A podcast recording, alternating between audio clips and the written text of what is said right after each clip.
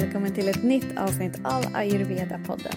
Syftet med podden är att låta ayurveda gå från något abstrakt och avlägset till något mer konkret och lättillgängligt. Jag som pratar heter Johanna Mård och tillsammans med mina gäster undersöker vi hur den här kunskapen kan göra skillnad för oss alla och vår hälsa. Gästen till det här avsnittet är för mig en väldigt efterlängtad gäst och det är ingen mindre än Ulrika Norberg. Ulrika är en bästsäljande författare med över ett dussin böcker bakom sig där flera har översatts till andra språk. Hon är även inspirationsföreläsare samt erkänd yoga och meditationslärare. Och Ulrika var faktiskt en av de lärare som introducerade yoga och gjorde det stort i Skandinavien under 90-talet. Hon skrev också den första svenska boken om yoga som heter Power Yoga. Ulrika är även en återkommande gäst i flera podcasts, radio och i TV. Bland annat har hon medverkat i TV4 Nyhetsmorgon och, och deras eh, följetong om andningsträning. Och i en av hennes senaste böcker som heter just Andning, livet händer mellan två andetag, delar hon med sig av sina lärdomar och kunskaper som andningscoach. Och i boken belyser hon den stora kraften av att andas och att andningen påverkar oss på alla plan under hela livet. Och det är just den boken som är lite av grunden till det här avsnittet. För när jag bjöd in Ulrika till podden var det just andning och pranayam som jag tänkte att vi skulle prata mer om.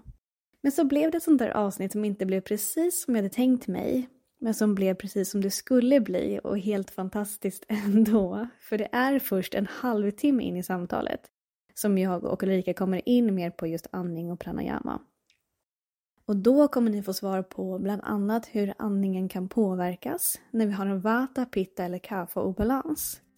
Och Ulrika kommer så pedagogiskt att demonstrera hur andningen kan låta då när vi har en vata, pitta eller kapha obalans. För att sedan dela med sig av några enkla andningsövningar som du kan praktisera när du skapar mer balans inom dig beroende på vilken dosha du behöver balansera. Så vi kommer även in på det här ämnet och du kommer få ut mycket av det och förhoppningsvis bli inspirerad till att lära känna din egen andning än mer. För att sen kunna påverka andningen när du vill och behöver det. Och innan vi kommer in på ämnet om andning pratar vi mer om vad yoga och ayurveda betyder för Ulrika.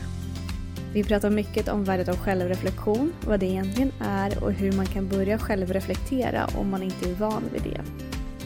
Avsnittet blev också väldigt personligt och Ulrika delar både med sig av berättelser som innefattar svårare tider och mörker samt andra berättelser som bringar hopp och ljus. Jag hoppas att du kommer finna det här avsnittet lika givande som jag gjorde.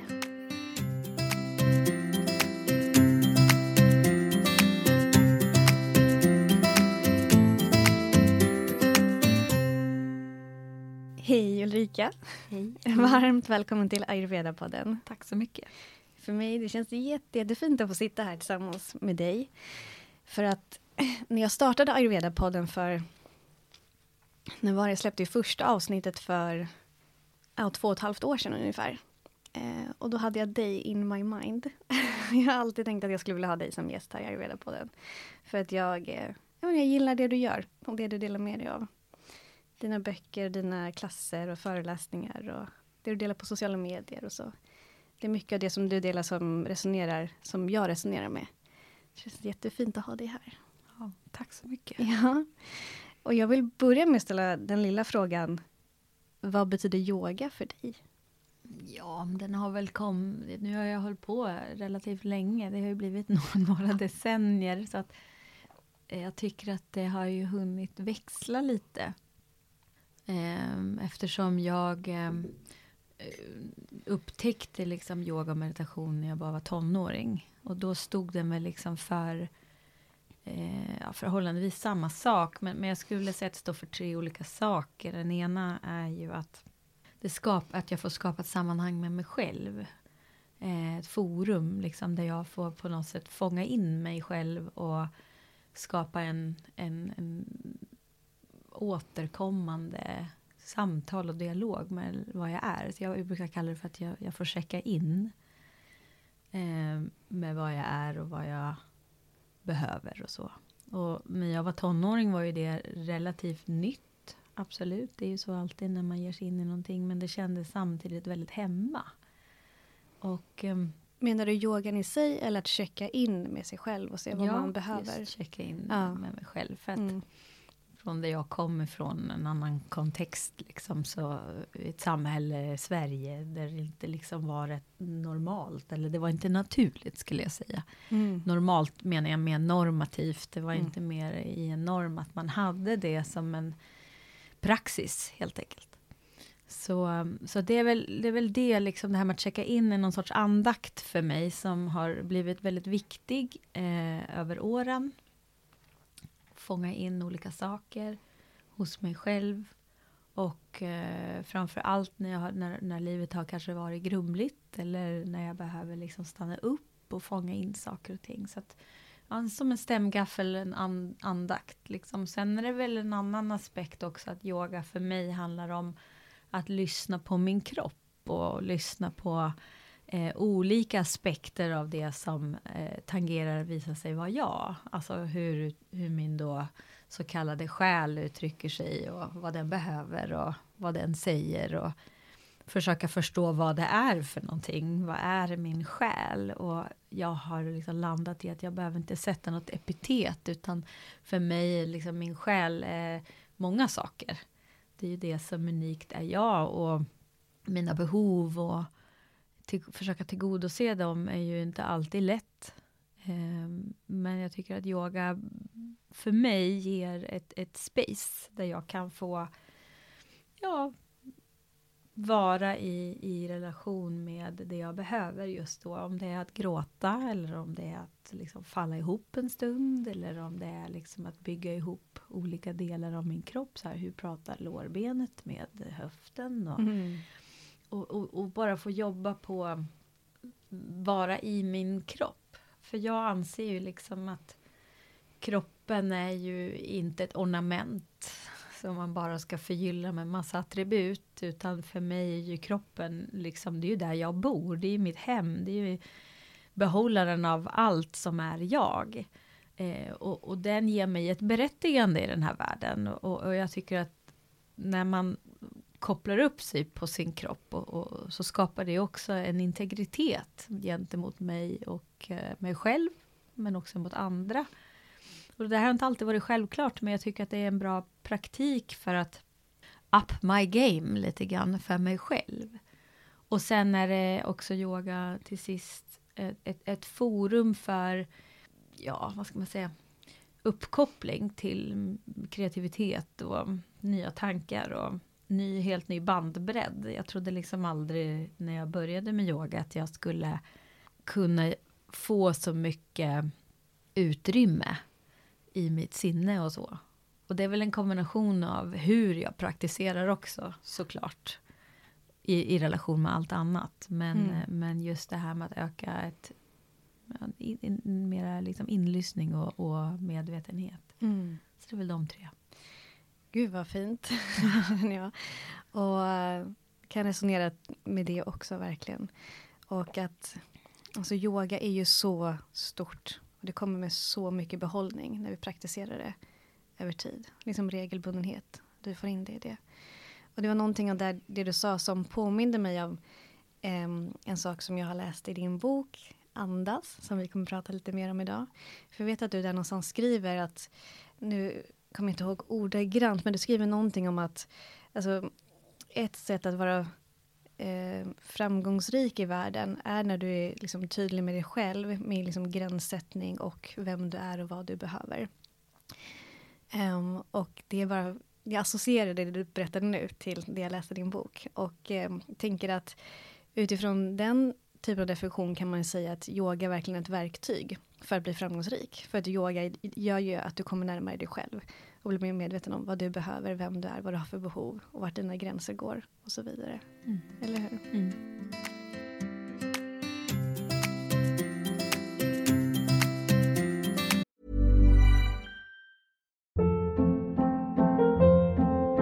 Hold up. What was that? Boring. No flavor. That was as bad as those leftovers you ate all week. Kiki Palmer here, and it's time to say hello to something fresh and guilt-free. Hello Fresh. Jazz up dinner with pecan-crusted chicken or garlic butter shrimp scampi. Now that's music to my mouth. Hello Fresh. Let's get this dinner party started. Discover all the delicious possibilities at hellofresh.com.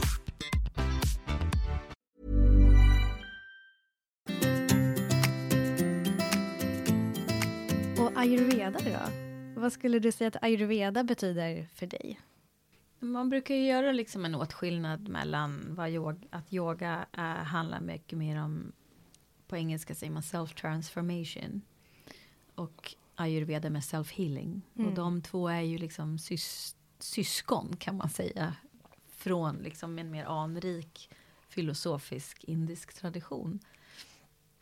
Där man liksom tittar på människans potential och, och, och, och, och samspel med sig själv i den här världen och med sig själv. Så att, jag kan tycka att, jag menar i ayurveda finns det ju väldigt mycket yogatekniker men även liksom en gång var de ju inte separerade utan de var liksom samverkande mellan varandra. Visst. Där man kanske kan se att ayurveda är liksom ett otroligt rikt system när det gäller att titta på hur, hur man kan återta ett ägandeskap liksom på något sätt. Över, över sin själv och sin mm. egen hälsa. Mm. Och jag tycker att det är väldigt klokt för att inom ayurveda så innefattar man liksom så många komponenter. Så att för mig är det ett, ett, ett optimalt sätt att, att titta på eh, någon sorts cirkulär liksom, hälsosystem. Så över åren så är det ju liksom så för, för mig var, var det, jag, jag kom in i ayurveda väldigt mycket mycket när jag var ung, ungefär 20-årsåldern. Tack vare en av mina yogalärare som, eh, och meditationslärare som sa att jag tror du skulle gilla den här läkaren här. För att jag hade väldiga problem med min mage. Mm. Och hade IBS. Och läkaren då i, i USA som både var TCM-läkare och vanlig läkare. Och TCM är traditional Chinese medicine. Ja, precis. Mm. Så jag gick hos honom mycket och blev väldigt hjälpt. Och sen så sa han det att min kollega är också ayurveda och eftersom du håller på med mm. yoga så tror jag att det här också skulle kunna vara någonting för dig. För att inom TCM jobbar man inte så mycket med kost. Utan man jobbar ju med andra aspekter som ja, mer akupressur och akupunktur och man jobbar med andra dimensioner. Och till viss del örter och sånt. Men det som eh, ja, han, han hörde ju mellan raderna att, att liksom jag verkligen ville få mycket hjälp. Så då var det hans kollega som också då var traditionell ortodox läkare och ayurved, med ayurvedisk inriktning. Okay. Så jag gick till båda två. Och där blev det liksom också så intressant för att också var det ju så att i USA, det, när jag bodde där på eh, i slutet på 90-talet så var det liksom inte så mycket att man gjorde det ena eller det andra utan många människor testade och lät saker och ting få jobba sida vid sida. Eh, och att det får vara det egna utforskandet som fick stå i centrum. Mm. Det jag tyckte om det var ju att den inte blev whimsical. Alltså där att, att då menar jag så här att det är lätt i ayurveda att det blir labels. Att du antingen är en pitta eller en vata eller det är si eller så. Det är svårt för många människor att kunna separera. Dels för att det är nya begrepp.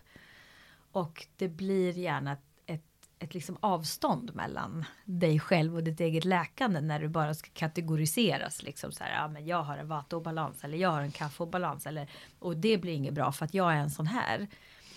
Alltså, då är man ju helt ute och cyklar och ger bort ägandeskapet av sin egen hälsa. För du tänker att man tappar lite kontakten med vad, sig själv? 100 procent.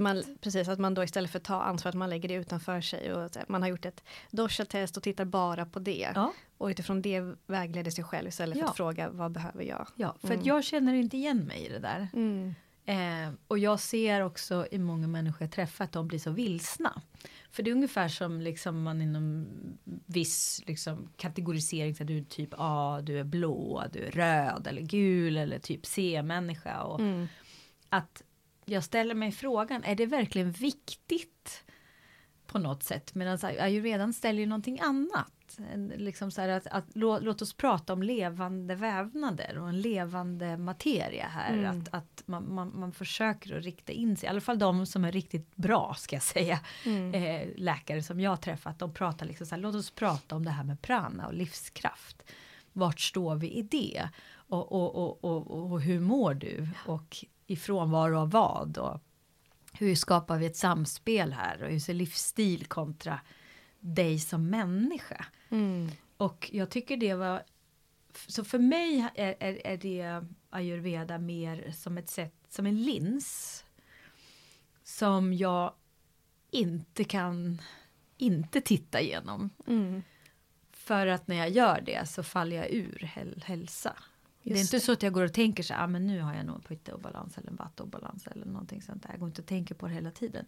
Men, men det har ju hjälpt mig uh, på vägen att kunna liksom känna in så att nej, men nu är det nog lite min energi här för ansträngd av stress och press till exempel. Och då har man en serie tekniker som gör att jag kan återta min homeostas eller jämvikt. Jag får ett ägandeskap. Precis. Det är det jag tycker mest om mm. hos ayurvedan. Att det finns en konkret sak som, som jag, kan, jag kan testa de här olika aspekterna.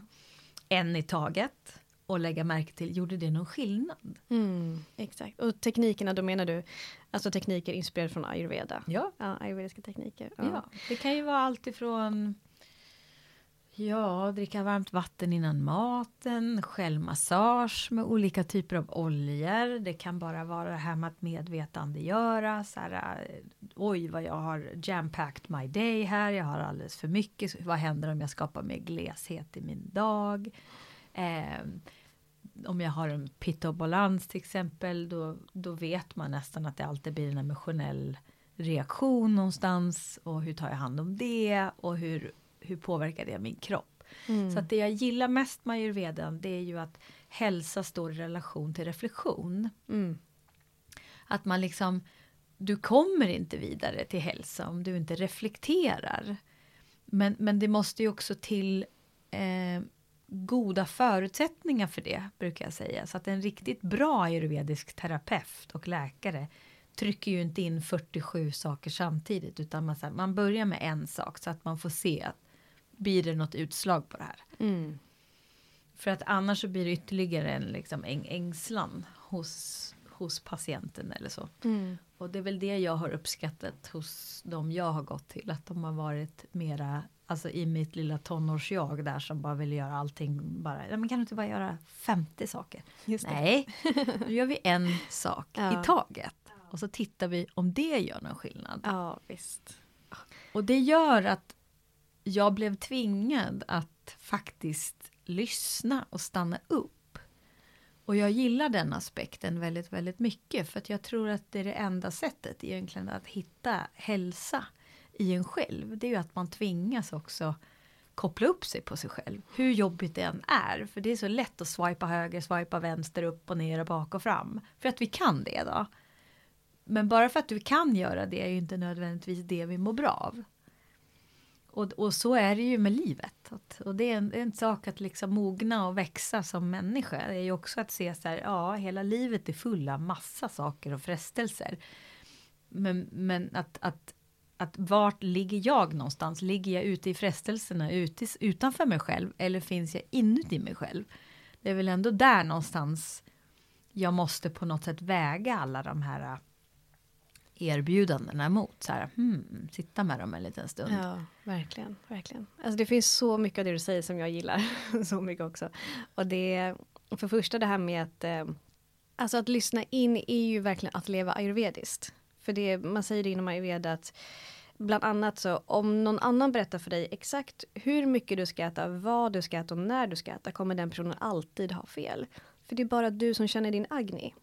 Alltså det är bara du som vet hur hungrig du är när och egentligen vad du behöver. Sen kan man ju såklart få inspiration och vägledning från ayurveda-läkare och så vidare. Vilket vi behöver. Men i grund och botten så är det du som vet vad du behöver för att hitta din unika väg till hälsa.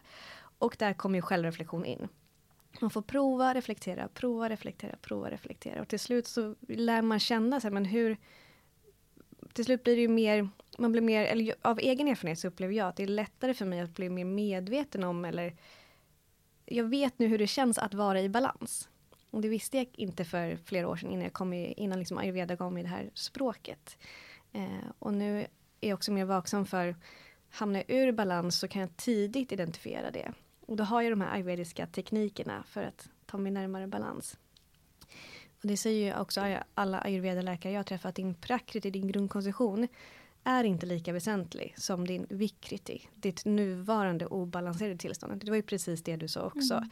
Det är det det handlar om. Att titta på liksom, men hur, hur flödar prana i dig just nu? Och vad har du tillgång till och vad behöver du mer av för att du ska må ännu bättre utifrån var du är nu. Det är så man ja, bäst kan praktisera ayurveda egentligen. Ja, ja, och det är, ju, det är ju väldigt sant det där med att man mm. måste stanna i sitt tillstånd någonstans. Här. Hmm. Vart går energin någonstans? Mm. Läcker jag som ett såll nu? Liksom? Är jag ett durkslag? Liksom?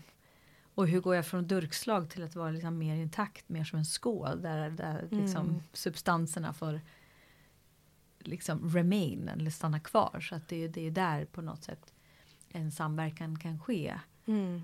Eh, sen tycker jag ju det här är enormt viktigt över åren som pratas alldeles för lite om upplever jag. Det är ju det här med att man pratar så här, ja, men du vet vad som är bäst för dig. Nej, folk vet inte vad som är bäst för dem. För då måste du titta på så här, vad, vad grundar jag min vetskap på? Ja, många människor idag sitter och googlar till förbannelse.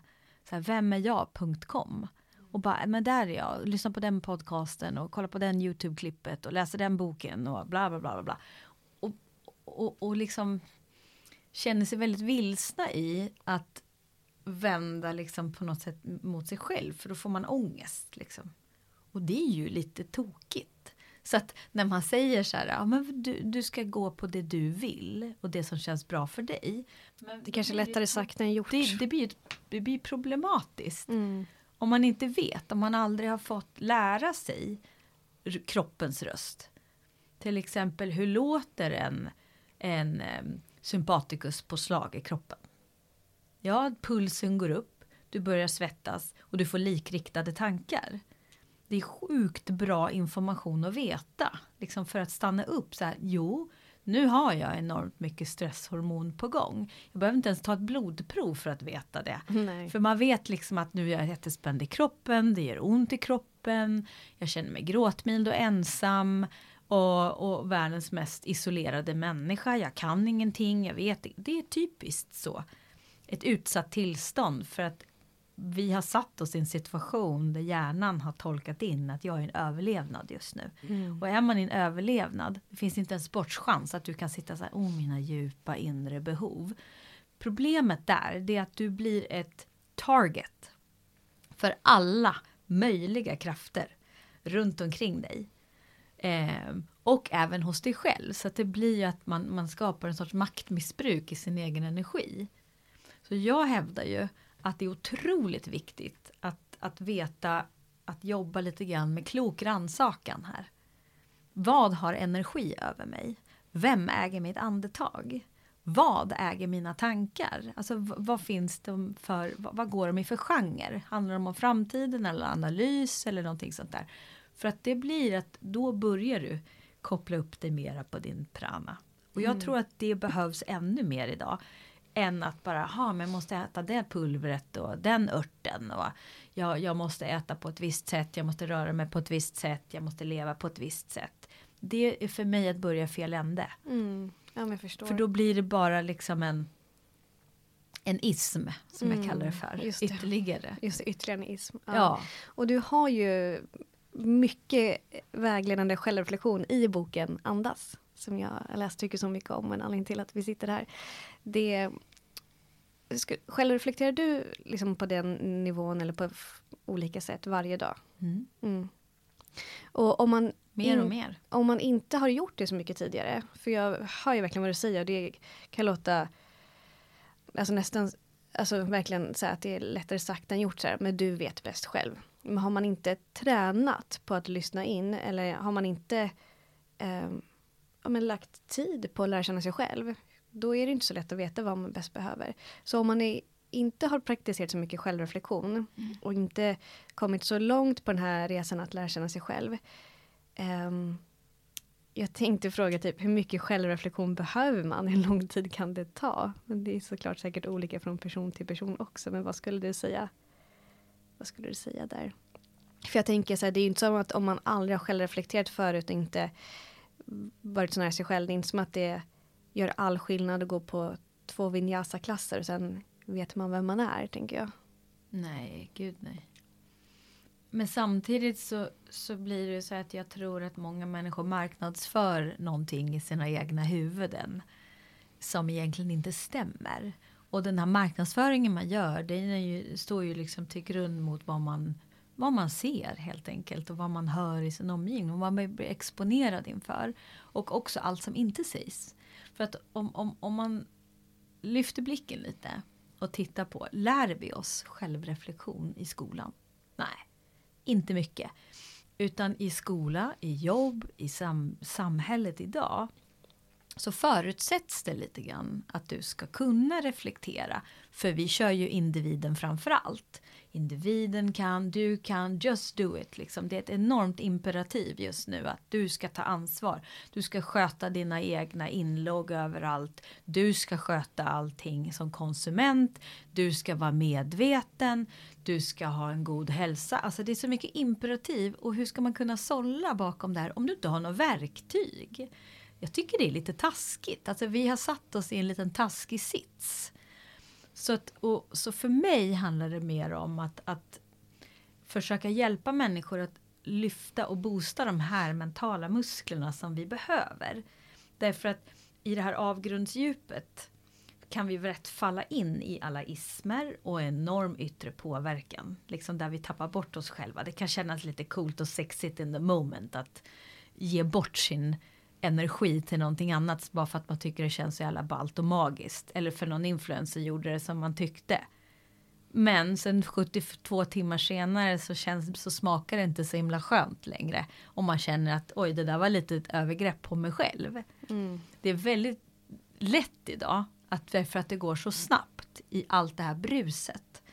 Att man blir borttappad av sig själv och samhället det är egentligen ingens fel, utan, utan det är ju någonting som att som jag sa förut, att vi har lite grann verkat under föreställningen om att det här kan vi redan. Mm. Nej, det kommer inte med bröstmjölken. Nej, och vissa människor är inte bättre på att reflektera by nature. Det här är någonting som man kan träna upp man kan träna upp det väldigt snabbt faktiskt. Så till exempel, och, och, det är precis som du också säger, att nej, det, det räcker inte bara att gå på en yogaklass och bli entertained. För det är det som egentligen är, att vi konsumerar saker och ting. För det, vi, det är vi jättebra på. Det är vi fantastiska på. Så då menar jag på så att använd den konsumtionen till att börja liksom testa det i annan riktning. Att så här bara mm. checka in lite varje dag. Så här. Det kan räcka med i slutet på dagen skriva lite journal. Så här, vad hände idag? Vad la jag min tid på? Eh, nämna tre saker som jag tar med mig från den här dagen som känns bra. Man börjar där. Så här, det här var ett riktigt bra möte, det här var ett fint minne, det här är någonting som jag vill ta med mig till imorgon. Mm. Så man gör liksom som en liten dagsclosure. Mm. Det, är mitt, det är mitt första tips, att bara börja med en så enkel reflektion som en summering av dagen. Det är rätt skönt också så innan man ska gå och lägga sig, att få liksom eh, det brukar kallas för brain dumps. Liksom att, att man bara tömmer medvetandet och hjärnan lite grann. Att få skriva av sig några rader och sen sluta med så här att okej, okay, vad vill jag lyfta över till morgondagen? Vad var fint med idag? Mm. Och så kan man hålla på med det ungefär en månad. Och inte köra någon analys utan man bara summerar dagen. Sen när det sitter lite som, då kan man sen ta nästa steg. Att börja jobba med vision till exempel ja då kanske man, som, som jag till exempel, jag har en fast tid varje vecka som jag har en dejt med mig själv. Och det är varje onsdag. Då har jag avsatt en timme med mig själv. Där jag bara tar bort allt brus runt omkring mig. Jag brygger en kopp te eller en kopp kaffe eller någonting sånt där vad jag är sugen på.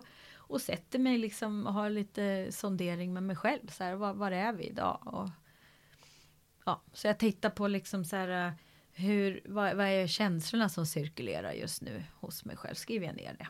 Och försöker att bara reflektera.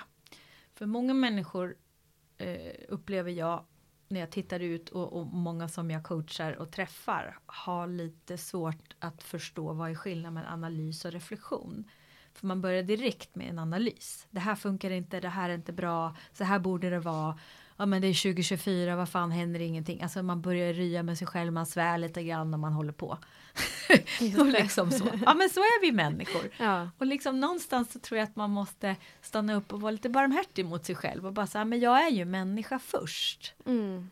Först och främst är jag en människa, om jag får sitta bara med mig som människa en stund och bara Mm. få låta, låta medvetandet få, få hamna i friläge. Om man tänker när man åker en bil, att du inte växlar ner, inte växlar upp, inte bromsar, inte gasar, utan bara håller dig neutral. Det kan ta en tid att träna sig på det. Mm.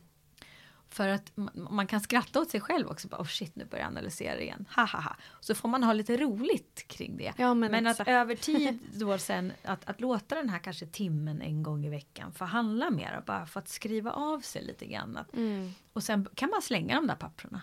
Ja, det har jag gjort så många gånger. Skriver Ja. av mig och sen kastar det. Bara för Ja. att det finns någonting med att bara sitta och skriva av Exakt. sig. Och de ja. som inte gillar att skriva brukar jag rekommendera om man har röstmemo på telefonen. Ja, det är också bra. Så lås in man sig i garderoben eller på toaletten och så bara pratar man till någon. Liksom, och, bara och babblar av sig. Eh, eller om man tycker mer om att att liksom röra sig samtidigt eller någonting sånt där. Man rör sig lite grann och sen skriver. Eller, så att man försöker hitta sitt sätt Mm. för att filtrera som jag brukar säga. Så, så en, en, en, startskott för, för att börja reflektera i sitt liv Ja. handlar inte om att du ska bli djupare eller svårare som person eller mer introvert eller Kafka-lik liksom på något sätt. Absolut inte. Jag kan känna så här bara för att jag reflekterar, jag har reflekterat i många år, det gör ju inte mig att jag är världsfrånvänd och blir någon annan människa. Snarare tvärtom Eller hur? skulle Snarare jag vilja säga Ja. mycket mera närvarande. Eh, det har hjälpt mig enormt mycket att, att, att liksom dela mer. För det var liksom eh, ett mönster jag hade liksom som jag upptäckte att jag bara så här, nej men, nej men det är väl ingen som vill höra om det liksom. Och Mm. Förminska mig själv väldigt Mm. mycket och förminska mina upplevelser. Att jag hade svårt att förstå vad handlar delandet om? Delandet bara att förhäva sig själv? Det var inte jag så intresserad av. För jag känner så att jag kan inte leva upp till de stora illusionerna. Liksom. Mm. Det, det, det går inte för mig. Jag måste få vara den här lilla. För jag har testat det där. Och, och jag mådde inte bra och jag blev ingen, ingen bra version av mig själv. Eh, så jag bara kände så här, nej jag måste försöka återta min arena någonstans. Just det. Och, och där är reflektion glimrande. Mm. Därför att det gör ju att man helt plötsligt hittar över liksom, det tar kanske, jag brukar säga att det tar ungefär två, tre månader. Sen har man den. Det bara, Mm. där är styrspaken. Och då blir det lite spännande. Och, och den här stunden som man har avsatt för sig själv blir ju värt så mycket. Därför man vet att det blir källan till mina relationer med mig själv, min relation med mig själv, med omvärlden och med andra människor runt omkring mig. Jag lär mig sätta ord på saker. Eh, över tid bygger jag min integritet. Exakt. Eh, och, och, över tid hittar jag min väg till självläkning. ja, Ja. Och jag bara känner att det här eh, avsnittet min eh, intention var att det skulle handla om pranayama, vilket det kommer göra delvis, men det skulle lika gärna, vi kanske döper om det till självreflektion. Jag men de, de går kanske lite hand i ja hand men de också. går hand i hand. och de, ja, Andetaget är ju ett superbra sätt, Ja. ett insteg. verkligen. Men jag skulle också säga det, om man vill ha Dels kan man ju lyssna på det här och bara skriva ner de reflektionsfrågor som du har nämnt här i förbifarten. Men vill man också ha lite mer eh, vägledning i att börja reflektera så kan jag ju tipsa om din bok Andas. För där finns det ju mycket av den typen av reflektionsfrågor.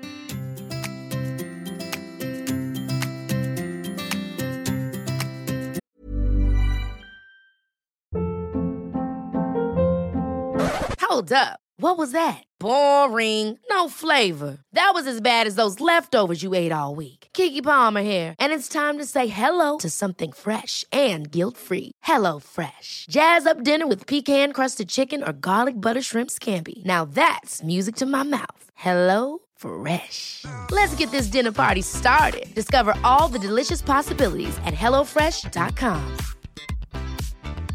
Hey, I'm Ryan Reynolds. Recently, I asked Mint Mobile's legal team if big wireless companies are allowed to raise prices due to inflation. They said yes. And then when I asked if raising prices technically violates those onerous two year contracts, they said, What the f are you talking about, you insane Hollywood ass?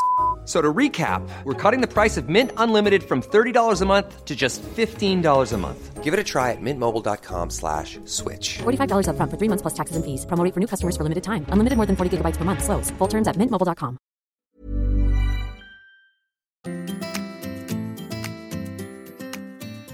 Jag vill fråga dig om vi ska komma in lite mer på pranayama idag.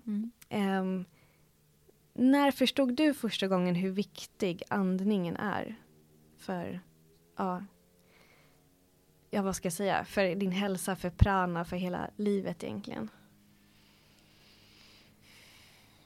Ja, som jag skriver lite i boken så började ju liksom min andningsresa väldigt tidigt. Alltså som när jag var barn. Att jag fick eh, syn på andetaget. Jag blev väldigt fascinerad av andning redan när jag tittade på smurfarna när jag var liten. Därför, och jag tyckte det var så himla spännande det här med att ledsen smurfen andades liksom på ett visst sätt och han var Just så det. ledsen. Och, Åh kärlekssmurfen, åh, han, han var så glad. Och det, det där tyckte jag var jätteroligt. Eh, så att för mig blev det någonting som jag lekte med. Eh, det blev en lek för mig, så att testa så här, om jag andas på ett visst sätt, vad händer med mig då? Och då var jag, ja, kan jag vara 6, 7 år, 7 kanske. Mm.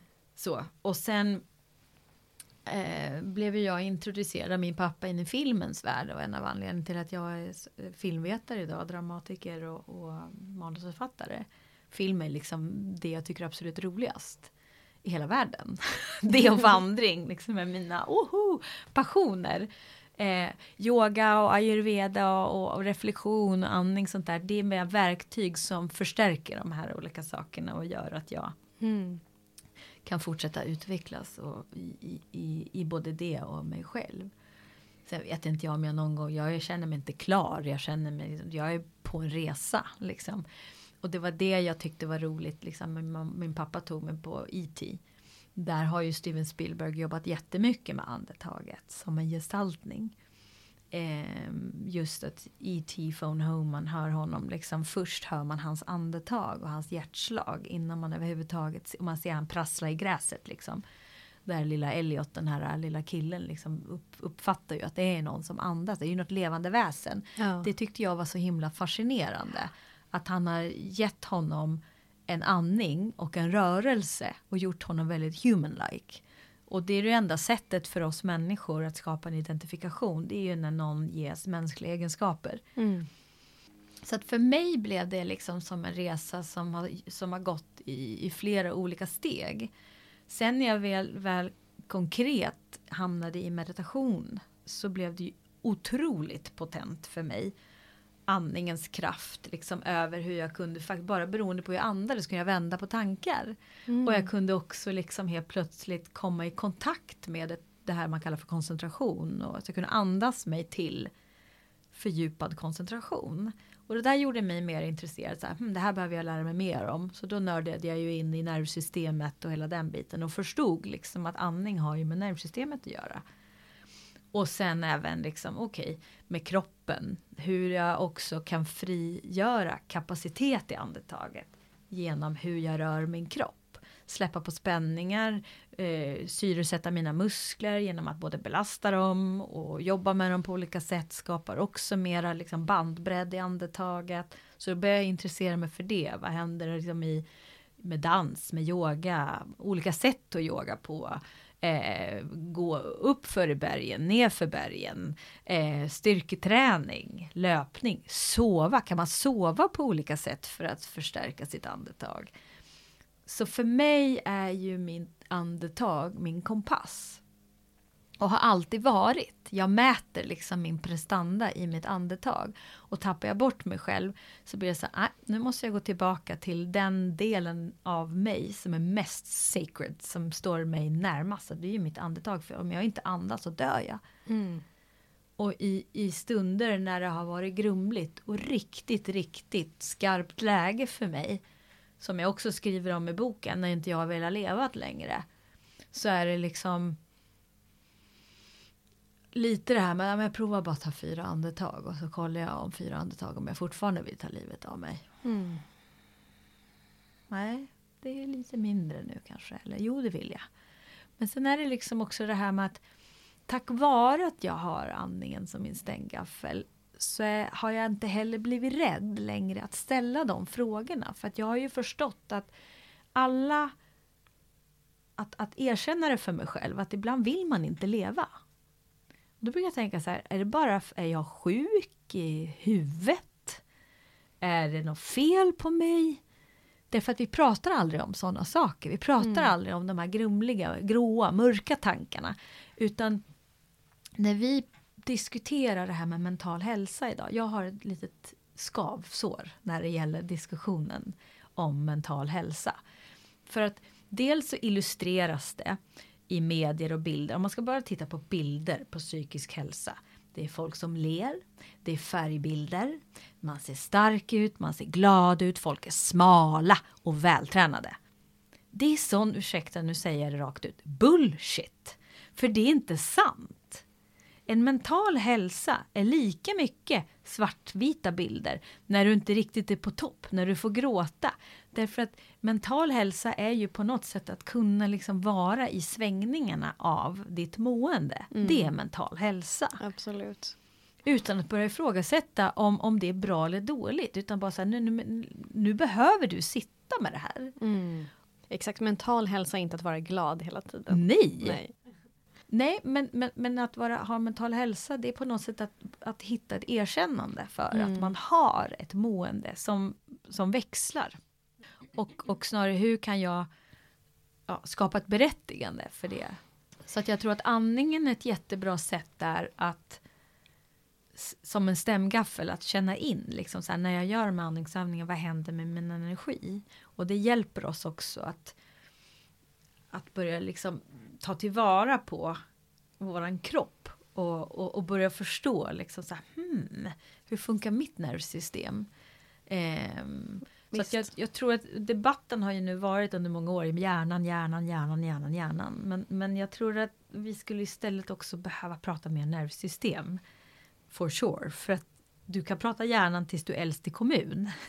liksom att vi pratar hjärnträning. För att du ska träna hjärnan måste du träna nervsystemet. Jag tänkte precis säga det, alltså hjärnan och nervsystemet hänger ju också Ja. ihop. Och nervsystemet och andning och andning och hjärnan därför också såklart. Alltså det är ju också en stor faktisk skillnad på hur man ser på kroppen utifrån ett västerländskt perspektiv kontra österländskt. Där det österländska perspektivet har ett mer holistiskt synsätt på kroppen. Där allting integrerar med varandra och vardera system i kroppen har en direkt inverkan på ett annat system och så.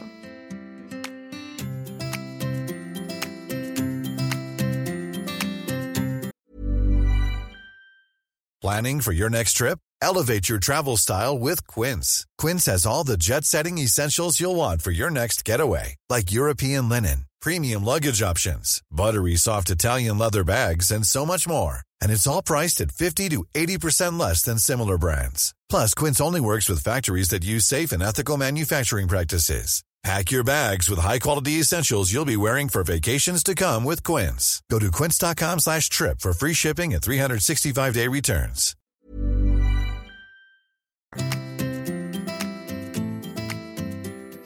Men det här då som är ayurveda-podden, jag tänkte också jag skulle fråga dig ehm, om man då, eh, vad skulle du säga, om man är, har hamnat i ett tillstånd som man enligt ayurveda då kallar för vata-obalans. Eh, hur skulle du säga att andningen kan påverkas då? Och vad, finns det några specifika pranayam som du skulle rekommendera om man, har, om man kan identifiera sig att nu verkar ha en typ av vata-obalans? Ja, Så först, hur påverkas andningen och vad kan man göra för att komma mer i ja. balans? då? Inom ayurveda så pratar man ju alltid om att when energy goes high, you go low. Och vad man menar lite grann med det, det är ju att, så att en vata-obalans, då åker ju energin uppåt kan man säga. Eh, det är som en liksom, Precis. liksom. Och försvinner ut. Ja, om man tänker ljud så är en vata-obalans höga ljud. ja. ja. Mycket brus liksom, och svårt att sortera. Eh, och egentligen, är- som, och det är viktigt att poängtera det att vata i sig har vi ju allihopa. Och vata är fantastiskt när den är i balans liksom, hos oss alla. För det är det som är våran kreativa sfär och så. Men när det blir för rörigt uppe i huvudet.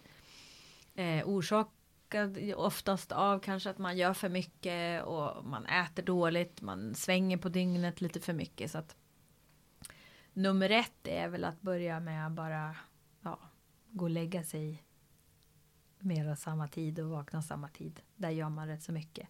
Äta varm mat. Äta regelbundet. Och som jag skulle rekommendera vid varje måltid innan man äter sin måltid. Då, då betingar man det med en andningsövning. Så att innan man börjar äta kanske man liksom på något sätt tänker sig att man lägger händerna långt ner i bröstkorgen. Så man försöker få ner andetaget ner i bröstkorgen. För oftast när man har vata-balans så känner man lite ångest. För andningen är väldigt högt uppe i bröstkorgen. Och visst är det kanske så också att andningen ligger högt upp så det är bra att få ner den men också att en vata, alltså om man har vata och balans och det påverkar andningen att det kan vara liksom um, jag tänker att mycket inandning, att man liksom och så andas man inte riktigt ut ordentligt. Och det är ju det som många gånger också påverkar vårt nervsystem som får oss i någon typ av ångesttillstånd. Ja. Det är därför för att lindra eh, så här panikångest som man ska andas i en papperspåse till exempel för att få i mer koldioxid. Ja. Eller hur? Så det är väl också det att man ja, liksom... jag skulle börja också med att sucka. Ja, men exakt. För att Alltså få en balans mellan in och utandning på något sätt. Ja, Och hålla andan lite grann. ja, För att grejen är den så här. Vill man träna diafragman och vill man träna andningsmuskler så är det inte så bra att börja med en inandning. För inandningen är ju en reflex. mm, Och det är den som är lite störd. Eh, kan bli när man har en vattobalans. Det är liksom att Precis. diafragman... Och då får Precis. inte diafragman jobba. Så Nej. det blir en svag. ja. Och, och det är lite intressant för att en svag diafragma kan leda till en vattobalans. Mm, Så börjar man liksom med att sucka så jobbar man först med utandningsmusklerna liksom och krama ut andetaget. mm, Och då känner man ju liksom att mellangärdet sugs in. Mm. Det kan bli lite panikigt men det gäller bara att hålla. Och så håller man andetaget. Räknar till fyra kanske. Och sen släpper man bara taget och så kommer inandningen som en reflex. just det. Liksom, Mm. Och bara låter det hända.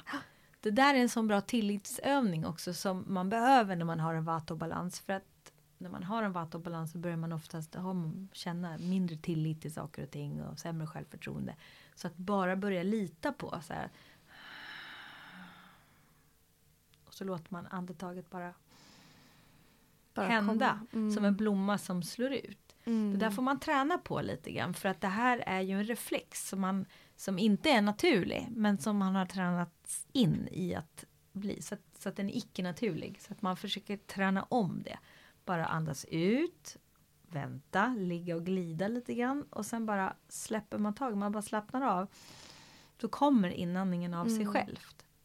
Gud vilken bra och på ett sätt enkel pranayam. Men sen förstår jag också, har man en ordentlig vatobalans så är också återigen kanske enklare sagt än gjort. Att bara liksom förlänga utandningen och lita på att inantaget kommer. Men jag kan verkligen förstå och se hur vattabalanserande det kan vara. Ja. Och så samtidigt som du sa också, kanske lägga händerna längst ner vid revbenen och liksom försöka få ner andningen längre ner i magen istället för att den ska ligga uppe vid nyckelbenen. Ja, jag har ett bra tips där. Att om man har till exempel en sjal eller ett badrocksband eller någonting sånt där. Så knyter man den liksom runt mellangärdet. Mm. Och automatiskt då så, så får du ju liksom som en, en relevant, liksom en taktil. En kontakt. Du känner någonting bara okej. Mm. Så då andas du mot Just det. sjalen hela tiden. Och det är ett automatiskt sätt liksom att få ner andetaget där du har diafragman och där, där du verkligen vill grunda andetaget. Mm. Och det behövs kanske bara tre, fyra andetag. Så pang så åker stresshormon ner fort. Så sucka. Och då kan man sucka med öppen mun ut. Och sen bara an, vila då, ligga där i kölvattnet. Mm. Och sen när du andas in lite mer långsamt in via näsan med stängd mun. Mm. Just det. För där kan man börja känna in så här, gud, gud jag bara så här, hjälp, panik. Och så får man hålla på att träna på det där ett, ett tag. Liksom. Mm. Okej, var har jag sjalen? Andas ut. Ligger där en stund och sen Mm. så brukar det, det, det är ett superbra sätt. Och den där kan man träna på tills det liksom känns som att ja men nu blev jag lugn. Just och det, det. det går på mindre än en minut. Ja, det är så häftigt att det kan, alltså Ja. snacka om medicin om man får säga det. Men alltså, Ja. det är verkligen, och utan några bieffekter, man ska säga.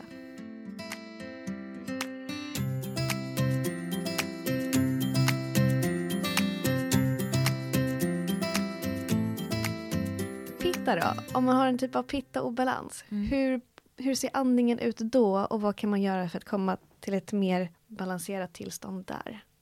Amningen brukar ju oftast yttra sig att man känner sig stängd eller liksom trång och, och, och att andetaget är oftast väldigt liksom, vad ska man säga, ansträngt. Lite Så att- forcerat nästan. Ja. Mm. Det kan det bli så. Till exempel det brukar ofta låta så här. Just det. Mm. Eller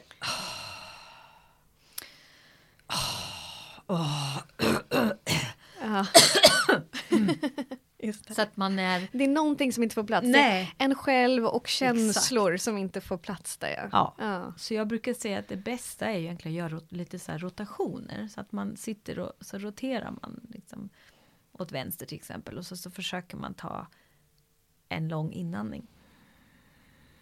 Just det. Och rotationen för att ge sig själv lite mer plats inom sig själv då. Mm. Ja. Och sen håller man andan lite grann och sen släpper man rotationen och pyser ut för att, för att skapa mer utrymme. Så att när man har Mm. pitta och balans så behöver man skapa mer utrymme. Och så kan man rotera liksom åt andra hållet.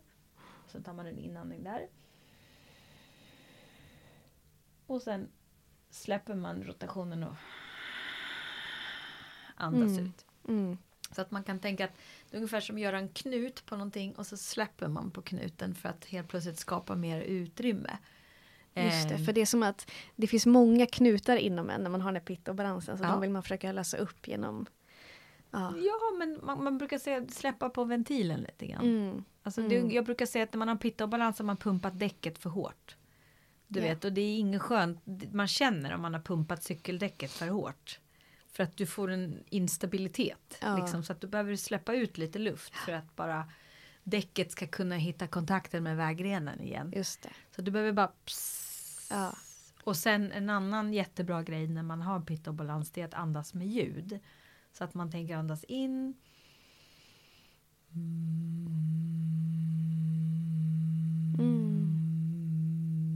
Så det blir som ett hummande på utandetaget. Ja. Och varför är det specifikt bra vid pitta och balans? Därför att när man har en pitta och balans så, så har man oftast lite hög sympatikuspåslag av den anledningen och så känner man mycket känslor. Därför att en pitta och balans yttrar sig oftast liksom i att det blossar där känslor. Och när man jobbar med ljud så sänks stresshormon väldigt, väldigt fort. Eh, och så ökar oxytocin. Och det som är väldigt, väldigt bra för att, för att då regleras känslolivet väldigt, väldigt snabbt. Bara på mindre än en minut. Liksom att man bara mm. Så reaktionsmönstret, reaktionsbenägenheten lugnas ner. Så till exempel känner man liksom att nu håller jag på, jag är bara arg på hela världen och jag är arg på mig själv och jag är pissed off i allmän. Eller att jag känner mig väldigt liksom eh, emotional, liksom, och, jag vet inte, bräcklig. Och Också att de- man känner sig pressad, Ja, man känner mycket precis. krav på sig, det är mycket Exakt. prestation och mycket Exakt. prestationskrav. Mm. Så att man kan säga att en, en pitta och balans, man vill ju ha tillbaka styrkraften. Mm. Så rotation, inandning, andas ut. Rotation, andas ut och sen andas ut med Mm. ett ljud. Gör att man Man släpper på skapar spänningar. mer utrymme. Mm. Exakt. Ja. Jättebra. Ja, så att man tänker vata från hög till låg. Man behöver komma ner till grund. Mm. Och pitta behöver create space. Just det. Ja. Och kaffe då? Om Ja. man har kaffe och balans, hur, hur ser andetaget ut då och vad kan man göra för att komma i balans?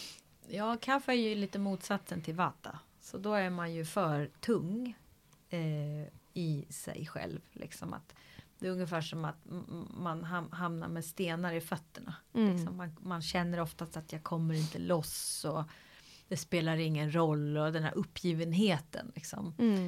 Eh, det här med bara, men det spelar ingen roll, världen är värdelös och alla krigar mot varandra. Det är typiskt en kaffe och balans, liksom att man hamnar i det här liksom lille skutt till spelar ingen roll vad jag gör. Ja. Liksom.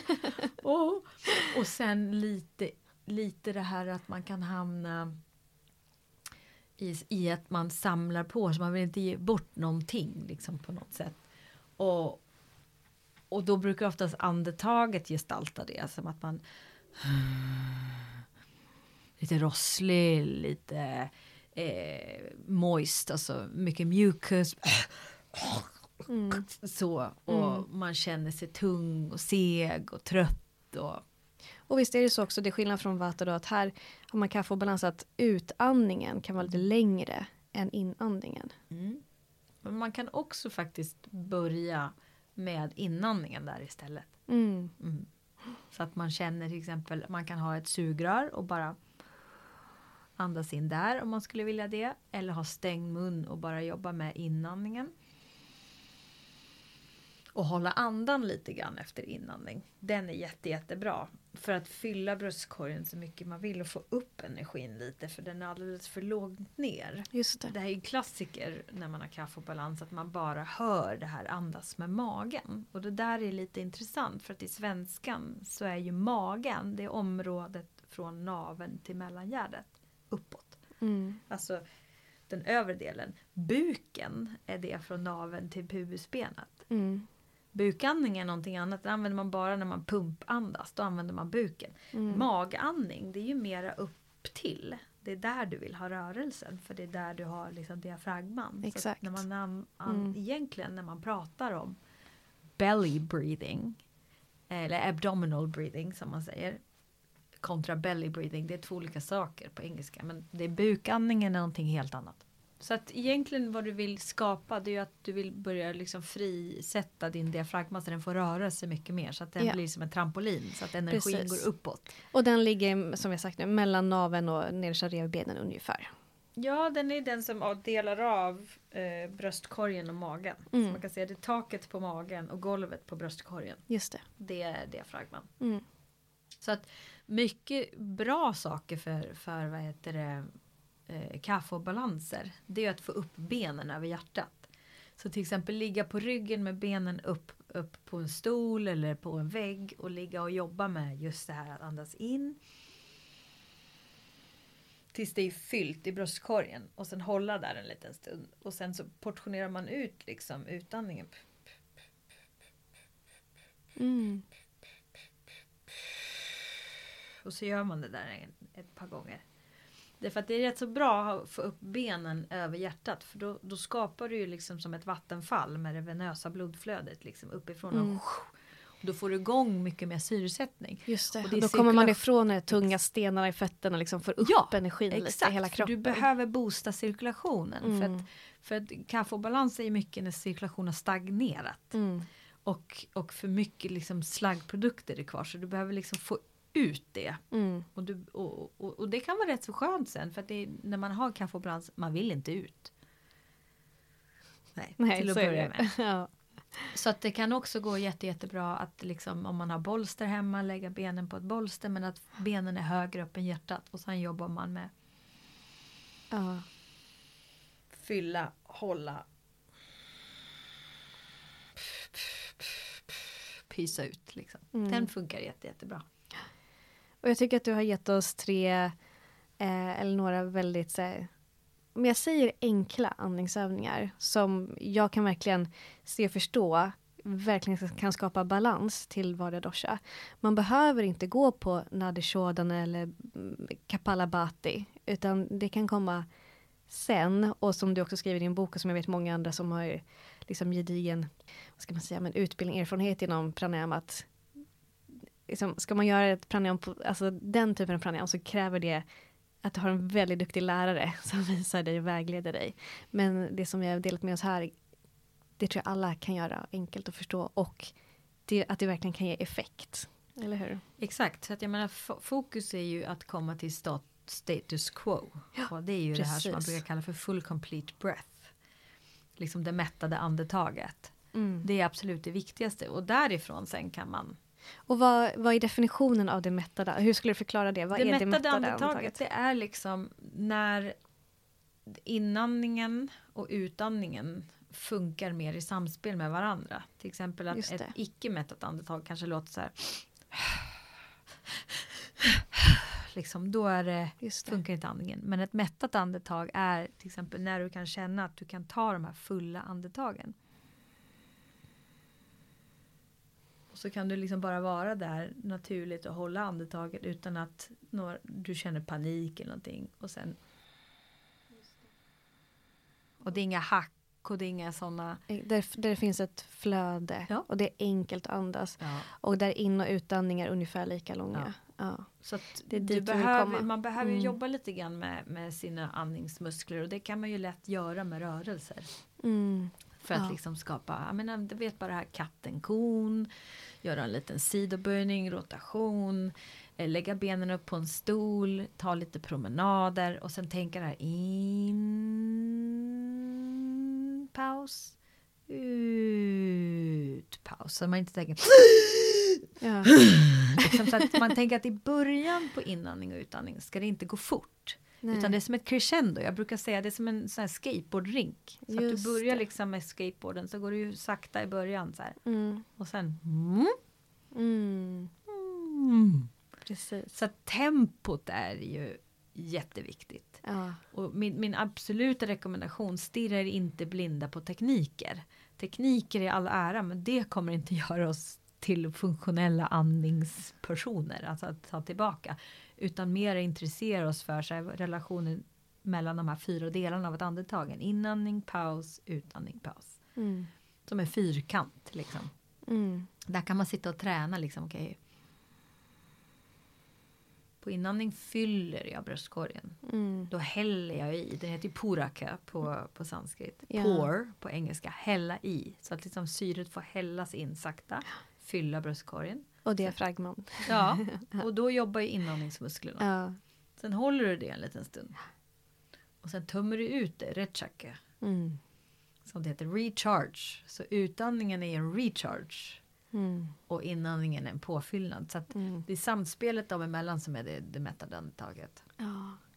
Alltså Ulrika, jag har typ hur många frågor som helst mer som jag skulle vilja fråga som jag tänkte vi skulle gå igenom, men det är så mycket annat spännande vi har pratat om också. Men så att jag... Det är så när man har ja, men det, samtal. ja men precis, och det har varit ett jätte, jättefint samtal. Jag är verkligen så glad att jag har fått sitta här och lyssna på dig och fått ställa några av mina frågor. Ja. Jag, tänk, Och- jag tänkte på en, en, en, en eh, sån sak vi pratade om reflektion förut. Nu har jag skrivit en bok om just detta. Eh, om just reflektion och tystnad och värdet av att minska bruset och den kommer ut i april. Så att den, Den- är en fortsättning på Andas. Ja, det är så. Ja. Vilken fin brygga. Ja. Den, Jag ja, för den som känner så här att åh vad jag vill. dyka mer in i det. Ja, så Ja, kommer den i april. Den ser jag fram emot. Den heter Tystnad. Ja. Värdet av att minska bruset. Den tror jag många behöver. ja, verkligen.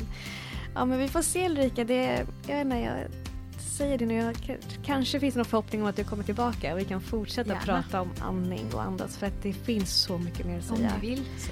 Ja, det tror jag. Jag vill det. Ja. så. Ja, men tusen tack för det här samtalet. Det var jättefint. Jättegivande. Själv. Tack för att jag fick komma. Tack.